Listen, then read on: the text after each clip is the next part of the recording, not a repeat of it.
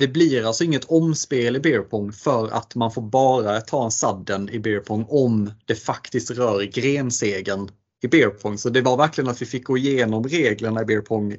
Man tror ju inte man behöver det längre. Men vi fick faktiskt gå igenom dem allihop en gång till för att kunna släcka diskussionen helt och säga att nej, ni får dela andra platsen eh, i årets mästerskap för att det finns inget belägg för att faktiskt gå in i en sadden här.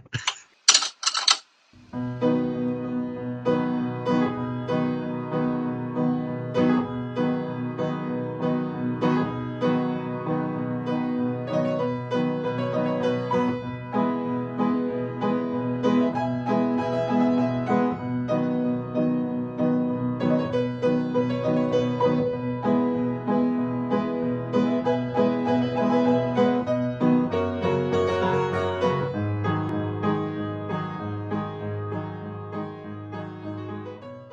Välkommen tillbaka till Slutna podden. Historia skrivs i realtid. Vi är inne på eftermäle 3. Hur känns det Kronwall? Har du fortfarande energi kvar? Jag har energi kvar. Eh, det känns, det känns som att nu, alltså det känns så sjukt att vi bara pratat om ett mästerskap också. Att, eh, att det tar så här lång tid. Tänk om man faktiskt skulle summera. Det har vi gjort i de andra tio avsnitten i och för sig, eller 12 innan eftermälet. Så vi har ju summerat hela slutna mästerskapen när vi är klara med poddandet nu snart. Ja, ja faktiskt. Det är väl bara redlösa Open vi inte har gått in riktigt och eh, liksom, tagit detaljer på. Men... Magiskt bonusavsnitt. Ja, det är det. Redlösa Open. Ja. Nej, men så är det. Och, eh, och var är vi nu någonstans? Jo, vi har, eh, vi har genomlidit första tävlingsdagen. Vi har både kört blåsboll och Ehm, fotbollsgolf och är nu där vi avslutade förra avsnittet på väg till slutnast mark. Eh, Lerbergets, eller Höganäs numera, sportcenter. Eh, och vad är det vi får se där, Kuman? Eh, nu eh, så är det dags att kasta diskus. På en förhand väldigt oviss gren, diskus. Alltså vi, när vi släppte den här så kunde vi inte riktigt luska ut vem som kanske nödvändigtvis skulle vara bäst på det här. Um, men vi, vi, det, det, är ju det som är spännande med Nygren också, att man faktiskt inte riktigt vet vem som kommer vara bäst på det. Nej, det fanns ju lite, ehm, alltså det är klart kast eh, traditionellt sett har väl haft eh, ganska tydliga linjer ändå. Men när det kommer till den här styrkan som var lite, alltså jag menar, det är såklart i efterhand nu, men jag mötte ju eh, både eh, Daniel och Simon nu här på, eh, på flygplatsen på vägen tillbaka till London. Mm. Jag, var, jag var riktigt sen och den, och den var liksom framskjuten en kvart, vilket räddade mig. Jag, för det var tågstopp mellan Lund och Malmö, så jag bara, fan det kommer skita sig. Så jag, men jag, jag, lyckades ta mig liksom via båten och sen så tåg och sådär till Kastrup. Men superstressigt där då på, ehm, på flygplatsen. Men så såg jag de här grabbarna och bara fan, jag måste ta en bild med dem. Så jag bara sprang fram typ. Simon var ju ganska, han var ändå ganska pepp. Han är ju den mindre kända av dem. Det känns som att han fortfarande har rätt många selfies i sig. Ja. Eh, Daniel var lite mer stressad, lite lätt eh, sådär panikstressad. Ja. Eh, men, men hur som haver, jävlar vilka gigantiska killar detta är alltså. alltså om jag skulle sett dem innan Alltså apropå vad vi, vad vi tänkte kring diskus innan. Ja. ja då hade jag inte gett många korvar för oss alltså. Det känns som att eh, alltså det är en helt annan, alltså det är typ fyra mig. Alltså både i längd och bredd på, på något sätt. Men du är ju ganska lång. Du är ju över 1,90. Du är nästan 1,95 väl? Och ja, och det, det, det spelar att... nog ingen roll om de är korta. Alltså, jag kände mig som eh, liksom en pygmé. Från alla håll. Bredd och längd. Ja. De, man vet ju om att de är stora. Det är det här klassiska handbollsfenomenet tror jag. Att eh, när man tittar på en handbollsmatch så fattar man inte hur stora alla handbollsspelare är. För att alla är lika stora. Det är säkert samma i diskus att alla ser lika, alltså inte lika, men alltså alla är så jävla grova. Ja. Så att det blir liksom, det blir något typ av normalt. Att alla, ja men alla är lite grova liksom. Men de ser inte så långa ut för att alla är långa. Ja, men lite så. Är det så? Tror du? Det... Ja, men jag, jag tror nog det. Alltså, de är ju gigantiska. Och det är väl, jag vet inte, det är väl bara muskler mest. Men Ja. det, det, är ju rotation, det är teknikens, alltså rotationen där plus den kraften som måste bildas då liksom med den här enorma kroppen. Ja. Men nej, det var imponerande faktiskt att se dem, se dem live. Men liksom, ja, tillbaka till diskusen där så var det lite ovisst då på förhand eftersom att vi har ju vissa i gruppen som, som är betydligt starkare, liksom matigare än Mm. andra. Och jag Men, tänkte lite att jag, eh, jag kunde prata lite om den här ovissheten som, eh, eh, som egentligen kanske inte var. Det, blev, det var inte så ovisst. Det var inte en oviss gren.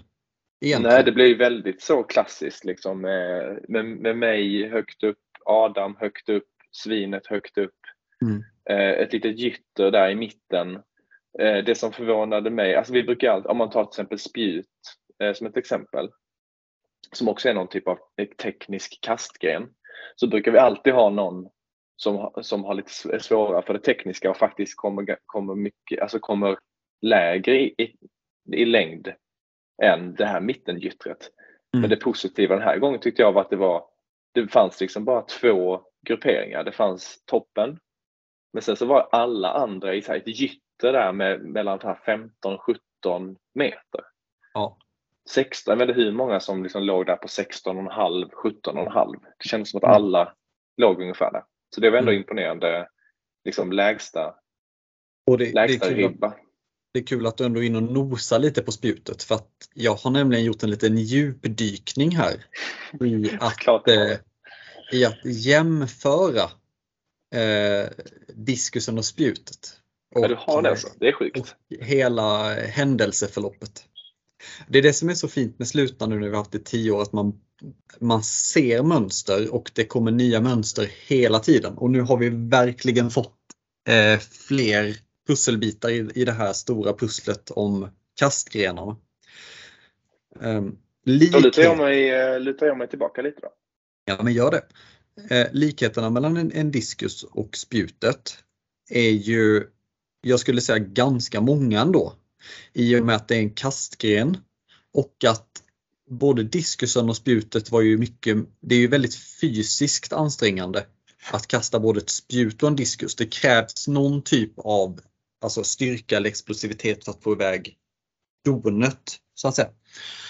Samtidigt som det också är tekniskt eh, utmanande. Och då, och i, jag vill bara innan vi går in på det här säga att nu utgår vi från att ditt övertramp faktiskt var ett giltigt kast. För det visar någonstans ändå på din kapacitet i spjutkastningen. Eh, och det är det som är viktigt när vi ser de här mönstren. Och vi kan börja med Nilsson, vår gamla gode tekniker. Eh, som jag ändå kanske får säga åter en gång underpresterar i en kastgren. Eh, håller du med? Mm, ja, alltså det, ja, alltså det är det här med att man tycker att, för te- tekniskt sett brukar han ju slå oss på fingrarna, men han får inte ut så mycket av det. Så att ur den aspekten så är det ju en underprestation liksom, i kast. Sen Mm. kanske han inte borde ha den bästa förutsättningarna just för att kasta långt eller sådär. Det kanske vi andra har mer eh, förutsättningar att göra på förhand. Men man, så som det ser ut tekniskt sen eh, liksom på tävlingsdagen, då, då tycker man att han borde kunna få ut mer utav det. Jag tror Mm. också ehm, att han inte själv är nöjd med eh, längderna eh, nu på tävlingsdagen och att han hade faktiskt mycket mer i sig på, Ja. eh, på försäsongen. Det tror jag också. Men om vi börjar med Nilsson. Och eh, så, så ser vi ett tydligt mönster i Stoffe eh, Eh, på både spjutet och diskusen. Och det är att han, han får en bättre placering i diskusen än spjutet. Han är fyra i diskus, han är sexa i spjutet individuellt. Eh, men han, han är den enda kastaren i gruppen som på något utav tillfällena och Stoffe hade på båda tillfällena sitt bästa kast i första kastet. Han är alltså den enda kastaren som har sitt, sitt bästa kast först i båda grenarna sam, sammanlagt. Liksom.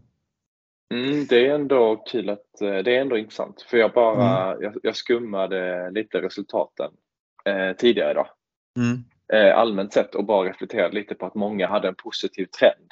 Mm. Alltså generellt sett. Men att, och, och att det någonstans är logiskt eftersom att man blir, alltså att ofta har vi, inte, har vi inte kört så mycket innan och att man blir liksom väldigt mycket bättre på de första kasten är ju därför inte så konstigt. Men, ja. Mm. Det finns en kastare som har eh, båda sina bästa kast i sista omgången också. Vet du vem, kan du gissa? Eh, Jag vet ju att Ludde hade eh, sitt bästa i sista nu på diskusen.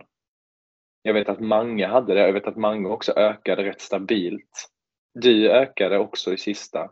Jag gjorde det inte. Och vi har ju pratat tidigare om att Ludde tar fram Eh, det här lilla extra när det som mest behövs. Så att jag gissar ändå på att det är Ludde. Mm, det stämmer, det är Ludde.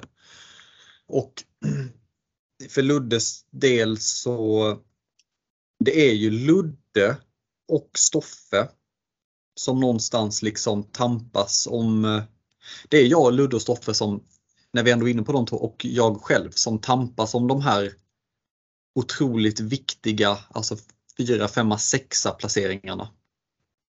Och eh, Ludde kom faktiskt sexa så han ökade men det räckte inte hela vägen fram till mig och Stoffe eh, i år på diskusen. Eh, och, och, eh, men han, han tar fram det bästa i sista omgången. Eh, har gjort det hittills varje gång. Man hade kunnat kolla på KMLB och så vidare också. Han har säkert flera liknande. Men, men där sticker han ut eh, och det är starkt att ta fram det. Han kan ju inte påverka vad de andra gör. Här blir det en sån här riktigt viktig om, eh, omsvängning för vår del i diskusen med mig. Som kastar mitt överlägset längsta kast i sista omgången. Du ökar ju med över en meter och eh, det gör ju även Nej, det är en knapp meter på Ludde men, eh, och svinet ökar ju, gör ett fantastiskt eh, sista kast. Han ökar mm. över två meter, nästan två och en halv. Mm. Så det som, händer, det som händer egentligen är att svinet i sig går ju förbi Stoffe. Eh, men han når inte upp till Adde. Och att, mm. eh, att alltså lag Svartled ligger ju etta innan sista omgången. Eh, både Precis, jag... Adde, vi kan bara köra en liten snabb parentes där också att svinet går från 18.36 eller 18.57 till 20.94 i mm. sista omgången. Och det, då är det då retsamt eh, nog då att han inte når Adde som har 21.06. Det är alltså ja. 12 centimeter eh, skillnad, vilket i sammanhanget är, får ändå sägas vara ganska lite. Ja, och, och, det här är viktiga, alltså viktiga marginaler för oss får man väl ändå säga. Eh, för att då blev det så att eh, eftersom Adde tog svinet eh, så spelar det ingen roll att eh, Ludde går om herran. Men däremot så går jag om både herran och Ludde. Vilket gör att du och jag seglar upp till en grenseger. Eh, svarta kommer eh, tvåa och röda trea. Och det, då måste vi tillägga att det här hade kunnat gå hur som helst. Eh, eh och då pratar jag inte om att du och Adde är ju etta och eller tvåa och svinet är ju trea. Eh, men ordning, alltså, ordningen mellan tvåan ettan, tvåan, trean, fyran, femman, sexan, sjuan är ju väldigt jämnt. Ja, det är väldigt tajt. Det är det. Mm. Dala har ju ett kast på 16 och 18 i näst sista och det är ändå så här. Han, han hade väl inte sin bästa dag. Han är, uppe, han är en halv meter från herran för att inte komma sist. Det är ändå ganska långt alltså. I... Ja det är det. Han hade, ehm, jag hade ändå förväntat mig kanske någon lite längre eh, något lite längre kast där av Dala faktiskt. Mm. Eftersom det... att han traditionellt sett har kunnat kasta både, liksom kasta en liten boll ändå hyfsat, liksom blixtrat till. Mm. Han har ju matiga bickar. Vilket ändå kan hjälpa till lite grann. Ja. Och har någon typ av eh, racket-erfarenhet också. Eh, det... Framförallt i eh, bordpingis, vilket gör att rotationen där, som ändå är ganska viktig i kast, så att jag tror inte att, eh, jag tror också att eh, Dala hade, hade nog mer i sig. Ja, men, men det, är, det är superspännande detta att kolla och jämföra de här. Om vi bara tar snabbt uppifrån och ner, alltså då menar uppifrån att vi tar liksom de som leder maratontabellen och neråt. Eh, som vi oftast brukar föra resultat i den ordningen så är det att, att vi ser ett mönster att Svinet, han ökade i tredje omgången i spjutet och fjärde i diskus. Han är också en sån som ökar sent. Ludde ökar sent. Så här är ju liksom lite så signifikativt för röda att de, det händer grejer i slutet av grenarna, i kastgrenarna med röda. Du ja. kastade ditt bästa diskuskast i andra omgången och ditt bästa eh, övertrampskast dock i sista omgången på spjutet. Eh, jag ökar också, du ökar inte så sent generellt. Det kan man inte säga för du är väldigt spridd. Jag ökar i tredje eller fjärde omgången. Stoffe har kastat sitt bästa kast tidigt. Dala ökar sent, näst sista. Eller sista. Herran är svårt att säga för han hade tre kryss i spjutet. Eh, och Adde Adde, han får alltid sitt bästa kast i andra kastomgången. Okej, okay, det är intressant. Mm. Ja, och sen är det två streck på det. Nordstrand kastade ju inte diskusen men han hade sitt bästa kast eh, i spjutet 2019 i tredje omgången. Eh, då kastade du alltså 35 meter och 35 centimeter och Nordstrand fick sitt bästa kast som var 9 och 49. Ja, det är inte han nöjd med. Så han hade kanske kunnat få en bättre placer eller resultat i diskus, vem vet. Ja, men det, det, var inget, det, det, är inget bara in, det är inget bara slutna index på 9 meter. På den nej, nej, det är det inte. Men det, det, var i alla fall min, min lilla spaning här. Ja, men grymt kul. Eh, hur som haver är jäkligt kul tycker jag själv att eh, kasta diskus. Lätt att säga när man, när man vinner, men det var, det var en riktigt kul kaska tycker jag. Och eh, det har vi inte nämnt än, men här har vi också, här har det ju då strömmat till publik igen. Mm. Första gången under eh, den andra tävlingsdagen. Ja. Så att, eh, det känns som att det var bra, bra tryck där på, eh, på läktaren också. Mm. De vägrar ju dock stå.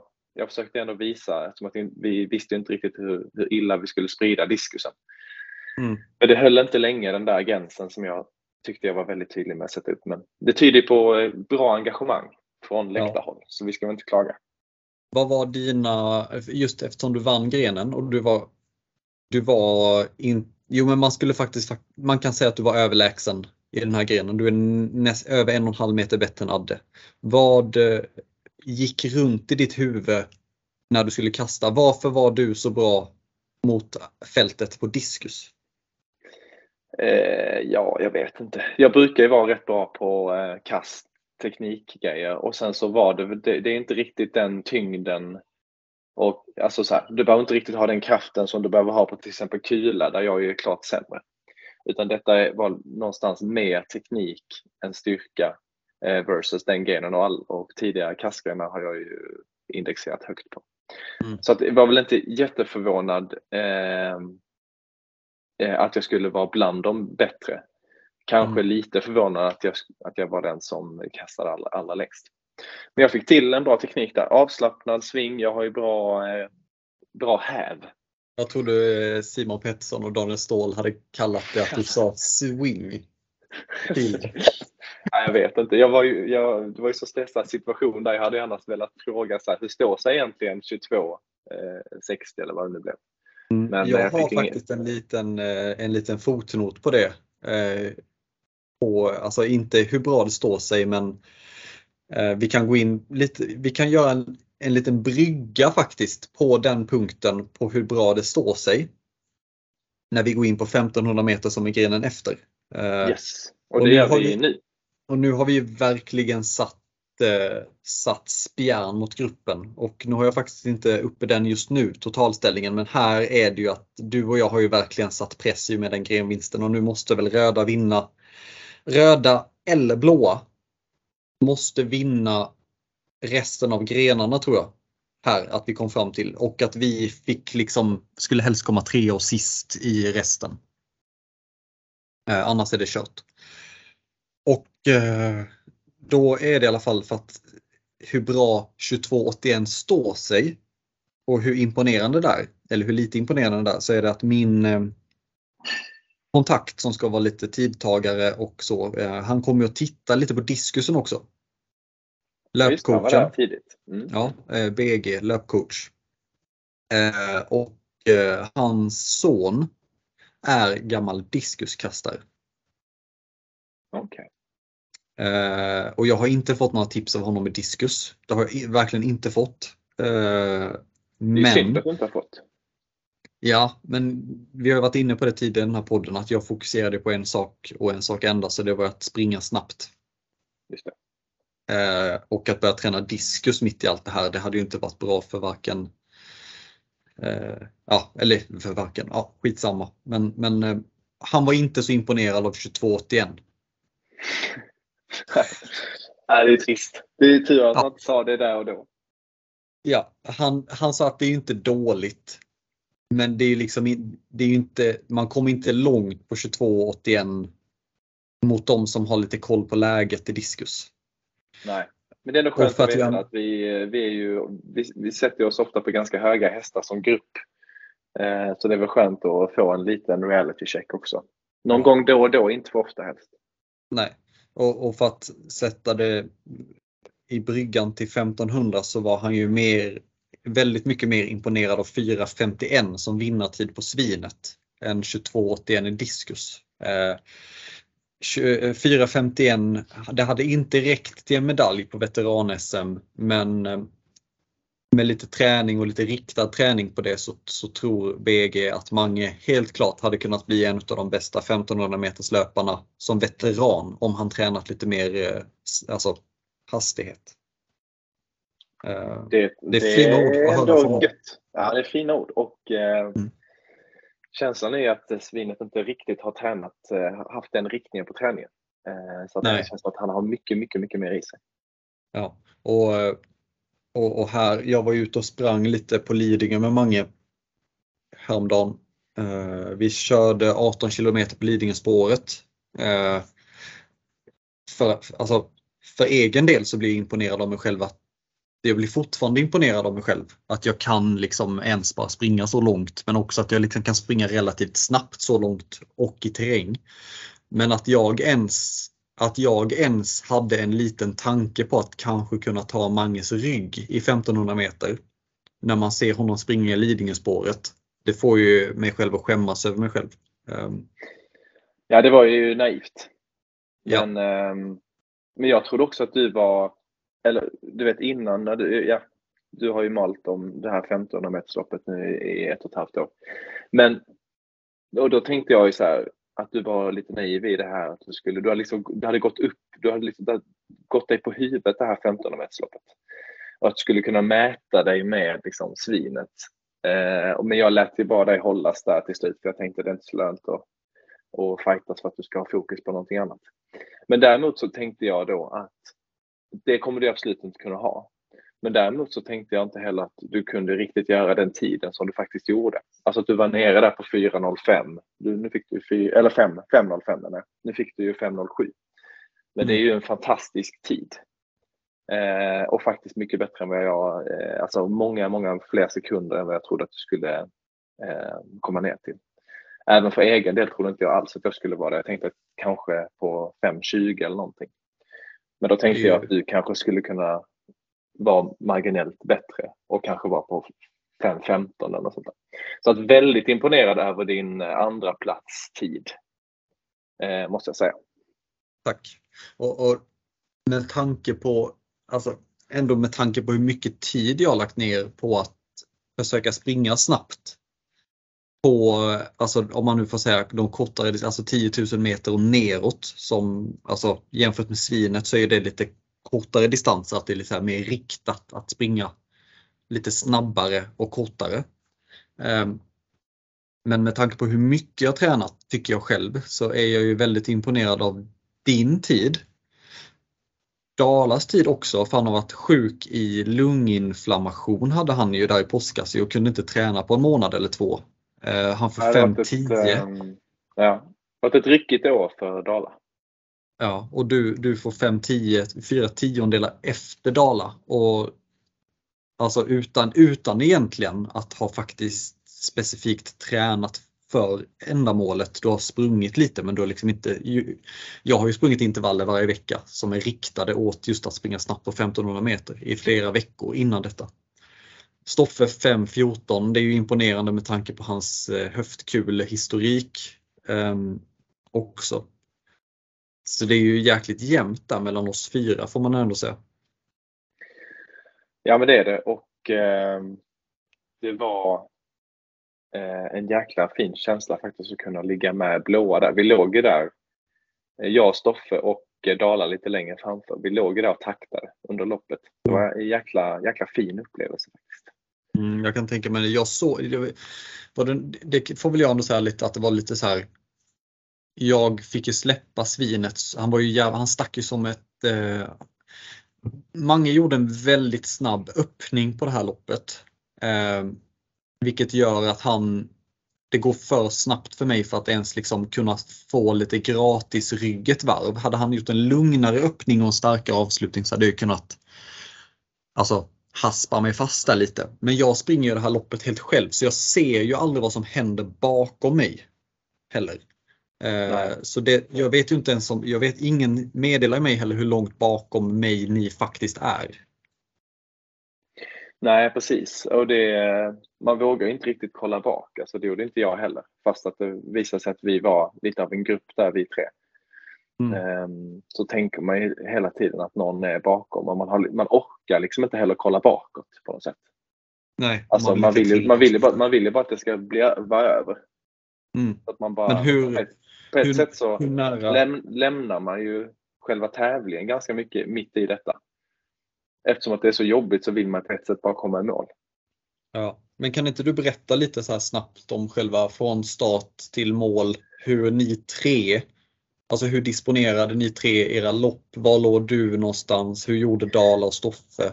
Och ja, så. men det blev ju startskottet där såklart och sen så min taktik var ju att eh, jag skulle ligga eh, bakom eh, Stoffe. Min taktik, alltså någon vecka innan slutna var nog med att jag skulle ta Dalas rygg. Men jag kände liksom, jag, jag vågade inte riktigt hålla den ryggen när det väl kom till kritan för att jag visste inte om jag skulle orka det helt enkelt. Eh, och då skulle det kunna äventyra liksom slutet av loppet. Men jag la mig bakom, bakom Stoffe som jag vet, eller nu var det kanske inte så, men jag tänker att han börjar lite lugnare generellt sett brukar jag inte börja lugnt, men det kändes liksom som att det var rätt taktik för dagen. Så jag bestämde mig ganska sent då för att nej, men jag tar Stoffes rygg.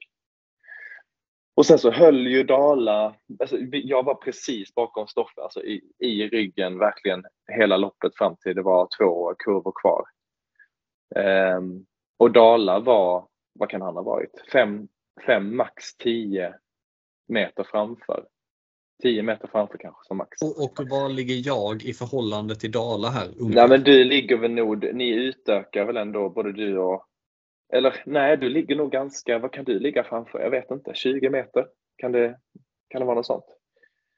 20 meter framför. Alltså det, det växer väl lite och sen känns det som att det är ganska statiskt.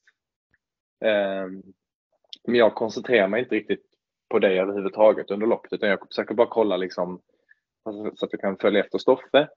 Och att Dala inte kanske är för långt då, för jag känner att så här, om jag har lite krut kvar i slutet så har det varit kul att utmana. Så Dala har gjort sitt eget lopp här också? Han har inte Nej, tagit da, Dala gör sitt eget. Nej, det gjorde ja. han inte. Inte vad jag kommer ihåg. Utan jag tror att han släppte den ganska snabbt. Och sen när det är två kurvor kvar innan liksom upploppet så, ehm, så testar, eller när det är lite längre kvar sen, när det är ett varv kvar drygt, då börjar, börjar Stoffe ta upp tempot. Alltså man, jag märker att han, han ökar tempot. Och det är då vi liksom kommer ikapp eh, Dala lite grann. Så att om det var 10 meter, eller vad det nu var, så kanske det halverades. Eh, och då märkte väl Dala det lite grann och ökade väl lite till. Men då blev helt plötsligt Dala inom räckhåll. Och då, när det är två kurvor kvar precis innan eh, när det är två kurvor kvar. Då testar jag om jag kan gå förbi Stoffe. Så på den rakan egentligen, eh, lång, alltså på långsidan, så där går jag om Stoffe. Och det är lite inför publik också sådär? Ja, det är väl inför Bengan där. Bengan hänger där borta. Eh, ja, ja. Ehm, och hejar på fint. Eh, men där går jag om honom. Och då är väl egentligen målet bara att, liksom, att vinna över Stoffe. Men jag, jag kör ju liksom all in då hela vägen in och märker att jag kommer närmare och närmare och närmare Dala. Men han är ju så jävla tuff i slutet på lopp. Mm. Så att jag kommer liksom inte, jag, är ju, jag slickar i hans rygg såklart när det är bara fyra tiondelar efter till slut. Men jag kommer mm. liksom inte om. Och det, det är aldrig nära heller att jag kommer om. Nej. Jag ligger liksom inte bredvid honom någon gång, utan jag ligger liksom hela tiden efter honom. Så att, eh, Med facit i ja. hand, hade du kunnat från start ta Johans rygg tror du? Alltså från start istället för Stoffers rygg eftersom Johan var lite snabbare. Hade du kunnat? Jo, men det, det, är klart att jag hade kunnat det eftersom att det hade ju, för att sen låg vi ju ganska statiskt. Eh, alltså så. Jag tror inte det hade kostat så mycket om jag hade tagit några extra steg i början och lagt mig bakom Dala istället för Stoffe. Men det var liksom mm. aldrig aktuellt då riktigt. Men å andra sidan så ökade ju Stoffe sen och jag kunde hänga på honom. Eh, mm. Så då fick jag ju också lite extra fart. Så det är svårt att säga vad som hade... När jag går i mål är ju inte känslan direkt att jag hade haft mer att ge. Utan Nej. snarare att eh, det här gör vi inte om. Ja, det är kul att höra i alla fall. Det är en, det är en jävla fin insats av oss. Alltså, man, det får man faktiskt ändå säga att det är som lag en jäkla fin insats i 1500 meter av oss. Eh, ja men det är det. Och, det är det. och faktiskt som lag också av blåa tycker jag. Eh, om vi bara snabbt ska nämna då så Svinet har ett slutet rekord på 4.51. Det, det sticker ut. Ludde är ungefär 40 sekunder sämre än vad han var mot 2019. Eh, Går in på 6.06. Herran på 6.46 och Nordstrand på 7.16. Så Valund, Herrström, Nordstrand är ganska rejält mycket sämre än 2019. Eh, Dala lite sämre, Stoffe lite sämre. Men då får vi också komma ihåg att vi är trötta. Vi har, detta är ju långt in i mästerskapet. Jag förbättrar mig rejält. Du förbättrar dig rejält. Svinet förbättrar sig rejält också. Så. Precis, det slutna rekordet är väl 4-5 sekunder bättre. Han mm. slår ju sitt eget rekord där, Mange. Mm. Nej, det, men det var, det var kul. Sopade hem grenen. Precis, vi sopade hem grenen och faktiskt också hela mästerskapet eftersom att eh, de andra lagen har varit tvungna att vinna den och vi har varit tvungna att komma tre eller fyra eller vad det nu var. Så att här i detta nu eh, efter slutsignalen så är vi ju eh, slutna mästare, vilket jag faktiskt inte fattar förrän Ludde berättade. Eh, jag står ju lite vid sidan av där liksom och bara tänker att han, eller jag undrar lite så varför han tar ton. Men så tänkte ja. jag också typ att du var trött och att han bara tog över lite för att så här, supporta. Mm. Liksom. Men det, så det, var, det, det, blev ju en eh, rätt kul överraskning för mig att det var klart. Jag hade faktiskt ingen tanke på att det skulle vara klart redan då. Jag, jag, eh, jag kopplade ihop det när Ludde sa till mig att eh, Jocke det är bättre om jag, eller vi, sa han, berättar hur det har gått nu. Då fattar ja. jag att vi vann. Men jag tror att det också är en bieffekt av, av att vi faktiskt arrangerar mästerskapet. Att vi har liksom inte tid att gå igenom förutsättningarna för oss själva inför grenen. Utan Nej, det är verkligen bara att få en diskus in eh, också. Och sen efteråt så är det är värt att nämna att vi har också en tidsbrist in i bowlingen. Att ta hänsyn till. Exakt. Så efter det så um, det känns ju lite så att vi måste springa till bowlingen när alla, hela publiken är samlade och så, men det känns ändå som att de fick ändå vara där en stund. Hoppas ändå att det var värt eh, för de som kom dit och, och hejade. Men sen som du säger, sen är det in i, eh, i bowlingen. Eh, och det blev ju så som vi så som vi hade tänkt när vi la upp eh, mästerskapsschemat så var ju såklart drömscenariot att eh, mästerskapet skulle leva ända in i beerpongen, alltså mästerskapstitelracet. Skulle leva ända in i beerpongen. Men om det inte var så, så ville vi just ha bowlingen eh, som näst sista gren. Eh, för att det känns som att bowlingen som gren också har, dels så är den, vi har inte gjort den på väldigt, väldigt länge.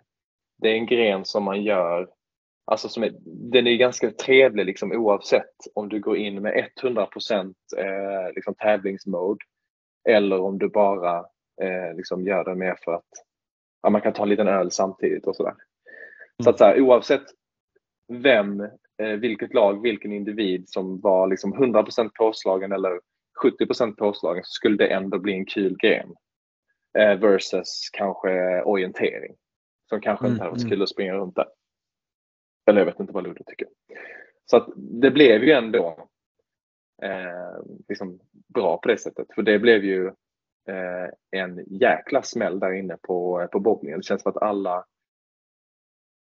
axlarna gick lite ner, inte för mycket. Det var fortfarande 100% liksom tävling. Eh, men att man kunde göra det lite mer axlarna nere. Och det, mm. det kändes som att det blev riktigt lyckat. Och herregud. jag bara tänkte på, eh, på liksom Manges eh, förjobb där också innan vi går in på hur det, hur det kändes i lokalen. Ja, att han på torsdagen där hade matat, vad var det, tio runder på en timme, vilket är, ja, det kan ju ni som lyssnar testa. Liksom. Det är helt galet. Och det är, ja. det är ytterligare en sån här försäsongsbedrift från eh, Svinhuvud som är riktigt imponerande. Men han fick ju också, eh, det, det, det bar ju också frukt. Ja, och, och inför den här grenen så har ju röda inte, alltså väldigt olikt dem, så har de inte en enda grenseger inför nionde grenen. Um, ja just det, så är det. Det måste de, vara första gången det är på det sättet, va? eller kanske 2020 också.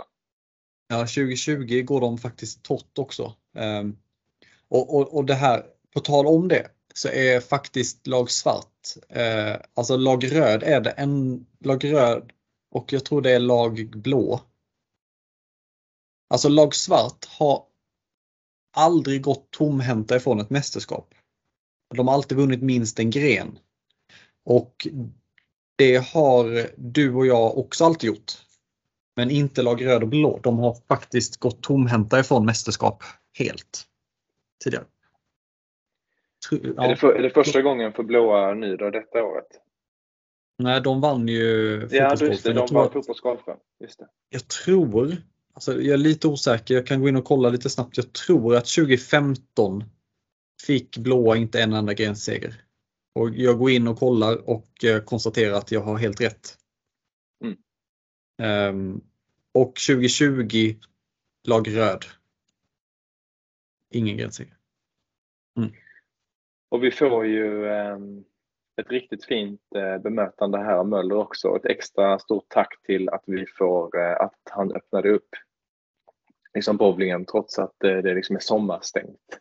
Mm. Eh, riktigt, riktigt grymt. Och vi har ju också rent resultatmässigt så har vi faktiskt ett slutet rekord.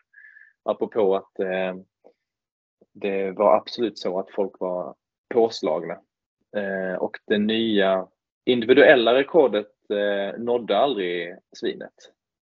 Det var väl nära där ett tag när han transade loss med, eh, med strike efter strike. Men däremot eh, lagpoängen, visst var det så att de sopade hem den till slut? Ja, eh, i sista omgången så fixar Ludde eh, det som krävs för att det ska bli ett slutet rekord. Tar vårt rekord från 2014. Och det nya eh, slutna rekordet lyder på så mycket som 1124 poäng på eh, åtta omgångar, fyra, fyra per gubbe i laget. Väldigt, väldigt imponerande. Jag eh, kollar vad det är för eh, det är 140,5 poäng i snitt per serie. Ja, det är inte dumt alltså. Det är bra. Och det är, det, de vinner eh, i lag med över 100 poäng. Eh, vi hamnar mm. tvåa i, i lagsammanhanget här. Eh, trea blir eh, Nilsson Dahlgren, ytterligare en hunka bakom på 900. Sen så har vi lag svart som är eh, drygt 100, 100-150 bakom eh, blåa. Mm. Mm. Så nej, riktigt trevlig och en eh, riktigt trevlig liksom, upplevelse i bowlinghallen. Det blev roligare och härligare och en bättre gren än, än vad jag eh, trodde faktiskt. Mm, mm. Um, och en fin språngbräda sen när vi ska hem till huset igen och det är dags för eh, slutnamiddag. Ja. Eh, riktigt trevligt, du vet den här eh, som, som händer i vissa mästerskap. Jag kan inte komma på vilka för man blandar nästan ihop dem vid det här laget när man har fått i sig lite. Men du vet den här promenaden från sportcentret in mot Höganäs. Eh, vi hade den 2019, ett, en liten grupp som gick till Kulla. Du vet. Men att man säger ja, den här promenaden alltså den, eh, ja, den på cykelvägen. Ja, den är så fin alltså. Jag, eh, jag och Mange hade ju en jäkla fin, trevlig promenad nu eh, tillbaka. Vi gick lite förväg för vi skulle in om ICA och köpa något vad det nu var. Mm. Men eh, det är någonting med den och jag vet att ni stannar väl till eh, och körde, var det inte några nya bilder där vid eh, hinderbanan? Jo, det var ju lite folk där som, eh, alltså en barnfamilj, två barnfamiljer tror som testade lite och sådär. Eh, och då kommer vi där i, i våra slutna kit. Eh, Nordstrand eh, som eh, har en flagga liksom knuten runt halsen som hänger på ryggen. Och så stannar gruppen vid eh, armgången eh, varav Nordstrand går upp och klanderfritt tar hela armgången.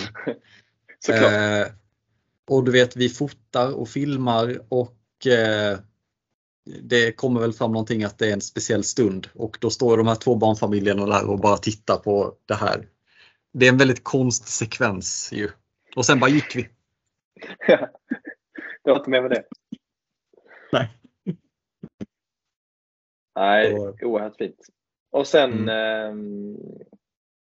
men vad gjorde vi när vi kom hem? Det var, det var egentligen lite fri lek. Det var det här avslappnade pyset i, eh, i ölcansen. Och sen förberedde, förberedde vi för lite, för lite käk. Ja, fläskfilé, oxfilé. Det var en härlig liten... Du, du roddade det riktigt, riktigt fint där i, i köket, kommer jag ihåg. Men det kändes som så här... Det, folk hade ju fått i sig ett par öl och folk var liksom så här väldigt pepp inför eh, kvällen överhuvudtaget. Så det kändes som att det var så lite tomteverkstad känsla. Du vet, så här, var man än gick. Mm. Du vet, man hade glömt någon strumpa där och man skulle ner och ta någon handduk dit och hit. Eh, men var man än kom så försiggick det någonting. Liksom. Mm. Eh, det, var, det var riktigt härligt. Ja, det var jäkla fint och eh, det var Måste väl ändå slänga in ett extra stort tack till Blåa och eh, Adde. Och eh, senare också Valund. Alltså alla hjälpte till men att, att det var verkligen en, en, vi växeldrog i matlagningen jäkligt snyggt. Så jag hann med en eh, dusch och sådär också. Eh, och du skötte ju dukning och så vidare liksom. Så att det, fint teamwork av alla. Jag, jag nämnde inte alla, alla hjälpte till men det var, det var magiskt och en slutna middag som väl går till historien. Det var många fina moments. Ja. Eh, och och ehm, eh, jag tänkte att vi, vi behöver liksom inte gå in lite, vi behöver inte gå in närmre på, eh, du vet vi pratade om de här, eh, alltså årets prestation och så vidare. Och jag tänkte vi, är det någonting vi inte behöver prata om så är det det. För att det är ju inte beslutat än. Det är ju bara ett underlag inför årsmötet. Men det var ju en jävla fin stund och min favoritstund är väl kanske när vi pratar om eh, årets emotionella moment. Som vi kom fram till är årets emotionella moment. När vi diskuterade. Ja, precis. Ja, det var fint. Det är nästan Mm. gåshud när man eh, tänker tillbaka på det. Ja, jävlar vad fint det var. Ah. Men du, innan oss in i vi... Beerpongen. ja, precis. Jag tänkte precis säga det. Att innan vi liksom avrundar det här, vilket känns konstigt att vi ska göra. ehm, så bara kort om beerpongen. Vi behöver inte säga så många ord eh, om den egentligen. Jag eh, minns egentligen inte så mycket highlights mer än att det gick väldigt mycket fortare än vad det brukar göra.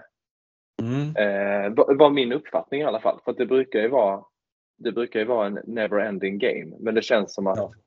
matcherna har nog aldrig varit så ojämna eh, som det blev. Sen om det har med, med liksom att mästerskapet, eh, själva titeln var avgjord än, eller Mm. att eh, vi hade fått i oss ett par bärs eh, ytterligare eller vad det nu handlar om. Eller att folk mest var sugna på att festa och hänga. Det vet jag inte. Men det brukar vara Mm. lite jämnare beer pong än vad det, Ja. än vad det var. Sen har vi ju haft ynnesten att, att eh, det liksom har varit ti- titel på spel i många, många beer pong-matcher. Men, men jag tycker ändå det, det var ändå det jag tog med mig. Att det gick snabbare, var ojämnare. Det är ändå fight om placeringarna, övriga placeringar i mästerskapet ju, på spel, alltid i beer pong. Det hände ju faktiskt en historisk eh, sak i beerpongen också. Ehm, alltså för, om vi bara börjar med att vi, du och jag spelar riktigt bra beer pong. Vi sopar hem den här grenen. Eh, och alltså, kommer du ihåg det? Vi spelar Ja, vi spelar riktigt, bra. riktigt bra beer pong. Ja. Alltså kanske vår bästa beer pong någonsin.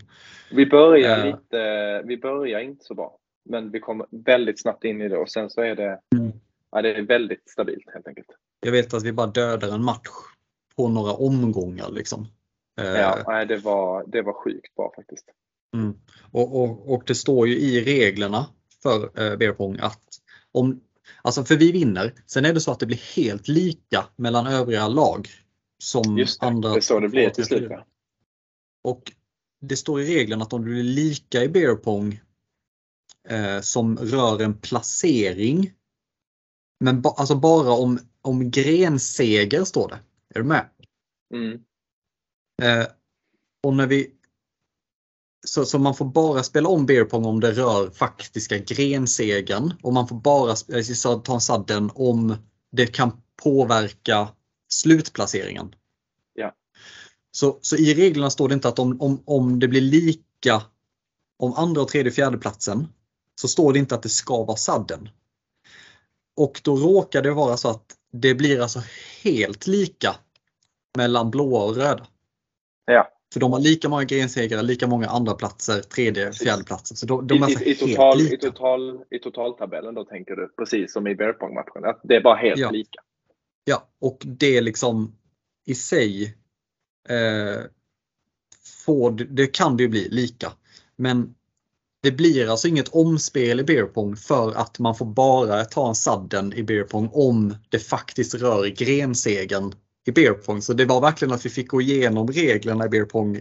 Man tror ju inte man behöver det längre. Men vi fick faktiskt gå igenom dem allihop en gång till för att kunna släcka diskussionen helt och säga att nej, ni får dela andra platsen eh, i årets mästerskap för att det finns inget belägg för att faktiskt gå in i en sadden här. Nej, och det är ju väldigt uppfriskande att vi faktiskt har fler regler att addera på beer pong. När vi, när vi hela tiden tror att de är fulländade. Så att Ja. det, det, det är någon slags nytt liv in i mästerskapet och eh, på kort sikt också till eh, eh, möjligen till eh, årsmötet här eh, Ja. om några månader. Det kanske blir en eh, motion på det, vem vet? Så, eh, eller jag har faktiskt fel för att det är så att röda faktiskt eh, ledde över blåa inför. Så det, det, Ja, det rörde egentligen exakt. om huruvida det skulle bli en beer pong sadden eller inte men det fanns inget belägg för det. Så röda kunde genom att dela andra platsen med lag blå och svart eh, komma tvåa i årets mästerskap. Ja. Och med, eh, med det resultatet i beerpongen eh, så är det också så att eh, den totala ställningen för hela mästerskapet tio grenar senare blir då att eh, svarta får 18 poäng. Eh, blir fjärde, fjärde plats. Eh, bronspengen går till lag blå på 23 poäng. Och eh, lag röd har 25 och andra plats och eh, vi avslutar eh, starkt i beerpongen vilket gör att vi utökar vår ledning eh, ytterligare och slutar på 34 poäng och vinner eh, med en 9 poängs marginal. Vilket är vilket väl någonstans säger ganska mycket om, eh, om vår prestation genomgående i mästerskapet just som är väldigt stabil. Eh, Mm. Vi hade några stolpar in. Vi eh, förtjänade annars mest vårt flyt kan jag tycka ändå. När, när man, när man Mm. summerar det. Mm. Men hur, hur, hur känns annars eh, liksom slutställningen och re- reflektioner på, eh, på den från din sida? Alltså, jag tycker att eh, det här är, är ju vårt bästa slutna mästerskap någonsin, ditt och mitt. Och vi har lite tur med liksom övriga placeringar också, vilket bidrar faktiskt till att det blir så. Alltså, många gånger så vet jag att till exempel 2019 så vet jag att jag var väldigt nöjd med vårt mästerskap för att vi kunde inte gjort det så mycket bättre. Men vi hade liksom inte riktigt de andra resultaten med oss vilket ledde till att lag röd vann. Nu hade vi ett riktigt bra mästerskap och fick de andra resultaten med oss vilket leder till detta. Det hände ju något liknande 2015 och 16 med lag röd att de liksom var bättre än alla andra och hade lite resultat med sig vilket gör att det blir en väldigt stor differens. Men, Ja. men det som det som har hänt de senaste tre åren i slutna, det är att när vi summerar mästerskapet 2019 och Röda har vunnit fem raka och man tittar på någon typ av maratontabell och så vidare så är det liksom att man tänker att ja, men det här kan vi hålla på med ett helt liv utan att komma ifatt lag röd med. Alltså de är så här, de kom, när vi summerar slutna, när vi liksom lägger ner det för gott någon gång, så kommer lag röd vara det bästa laget för att det liksom, de ledde med för mycket. Men det som har hänt efter 2020 och att det var så pass jämnt 2021 och vår utskåpning 2021 så har jag lite 2020 intressant menar du? Ja, 2020 att vi tog väldigt bra eh, resultat eh, där. Precis, det blir 6 av 7, 6 av 7 grenar eh, 2020 och nu så vann vi väl, var det 7 av 10? Av, av 10. Vilket ja. gör att vi, vi väl närmar oss i de här liksom, maratontabellerna. Eh, Precis. Än så. Så jag tänkte, jag tänkte att nu har ju lag röd faktiskt ett ganska stabilt mästerskap 2021 men vi, vi kör maratontabellen och då är det så att den startar ju 2014 för att 2012 Alltså det går inte riktigt sätta den så vi, den liksom maratontabellen som vi har idag den börjar ju 2014. Precis och egentligen så borde vi ha två maratontabeller där med Alltså egentligen så är det 2015 när vi alla fyra lagen egentligen som, som man kan Precis. då hävda är liksom den mest fair att jämföra rent sådär eh, ratiomässigt mellan lagen. Men, men kör, Exakt. kör på den vi har. Så, det, så det, det, skulle man ju faktiskt kunna kunna men, men problemet är att jag tänkte att man kunde göra så men att eh, lag svart var inte med 2020 heller. Ja just det. det, det eh, så man, man skulle, ja. Maraton är maraton. Det, och 2018 så var Adde inte med till exempel. Så. Men, men, om, vi, om vi bara börjar med lag svart då, som inte har varit med i alla mästerskap eh, och inte varit fulltaliga i alla mästerskap. Så de har åtta grensegrar från 2015 till 2022. Åtta grensegrar och 124 poäng totalt inklusive bonuspoäng. Eh, av totalt 85 grenar. Eh, eh, nej förlåt. 80 80, eh, 80 grenar för att 85 är det inklusive 2012. Så 80 grenar har vi haft. Eh, lag blå har 10 grensegrar sedan 2014 eh, och 179 poäng mot Svartas 124. Du och jag ligger tvåa på 29 grensegrar. Då kan man tänka att vi tog 7 i år och 6 2020 Eh, på de 29 så vi har ju nästan hälften av våra grensegrar inom tre år. Alltså här nu. Eh, och 227 poäng.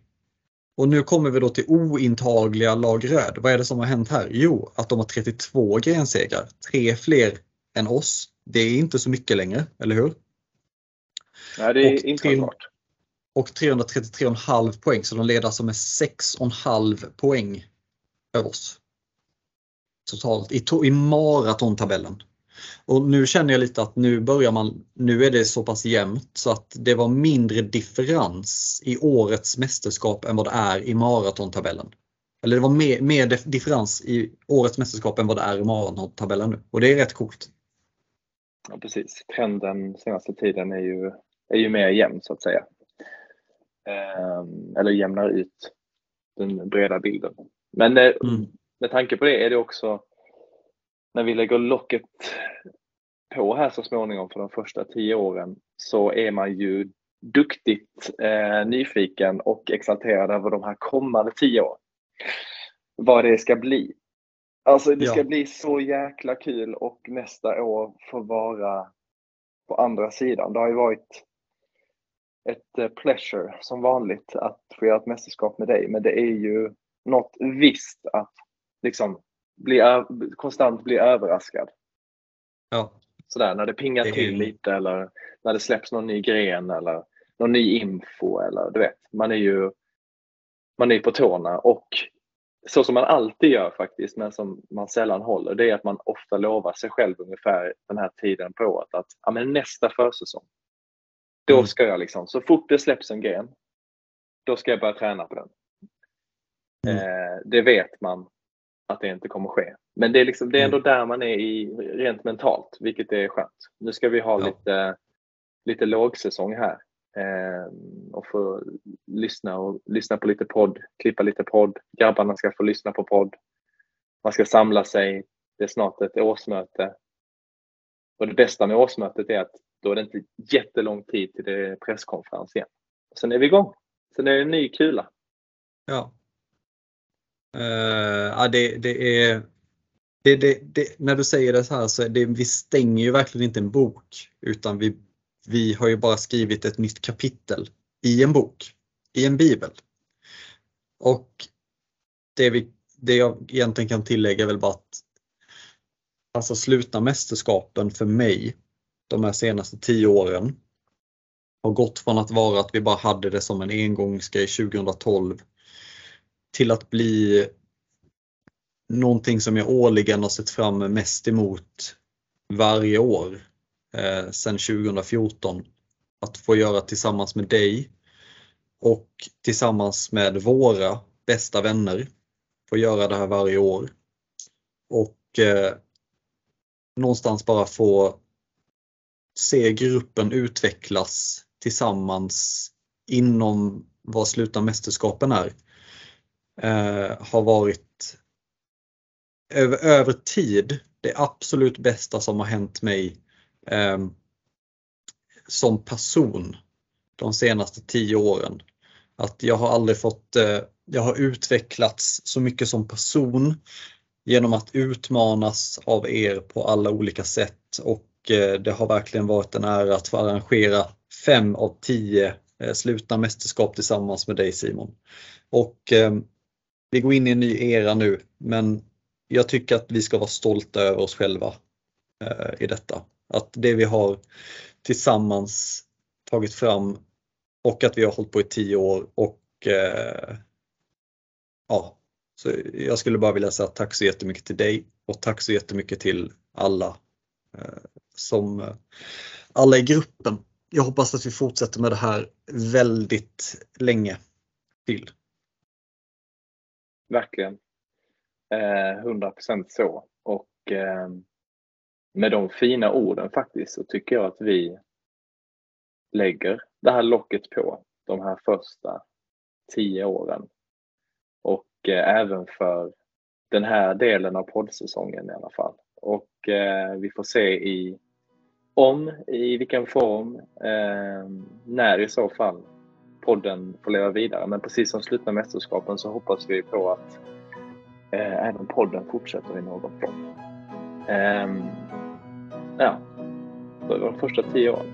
Och med de orden så avslutar vi dagens podd, eftermäle del 3 och önskar en god lågsäsong.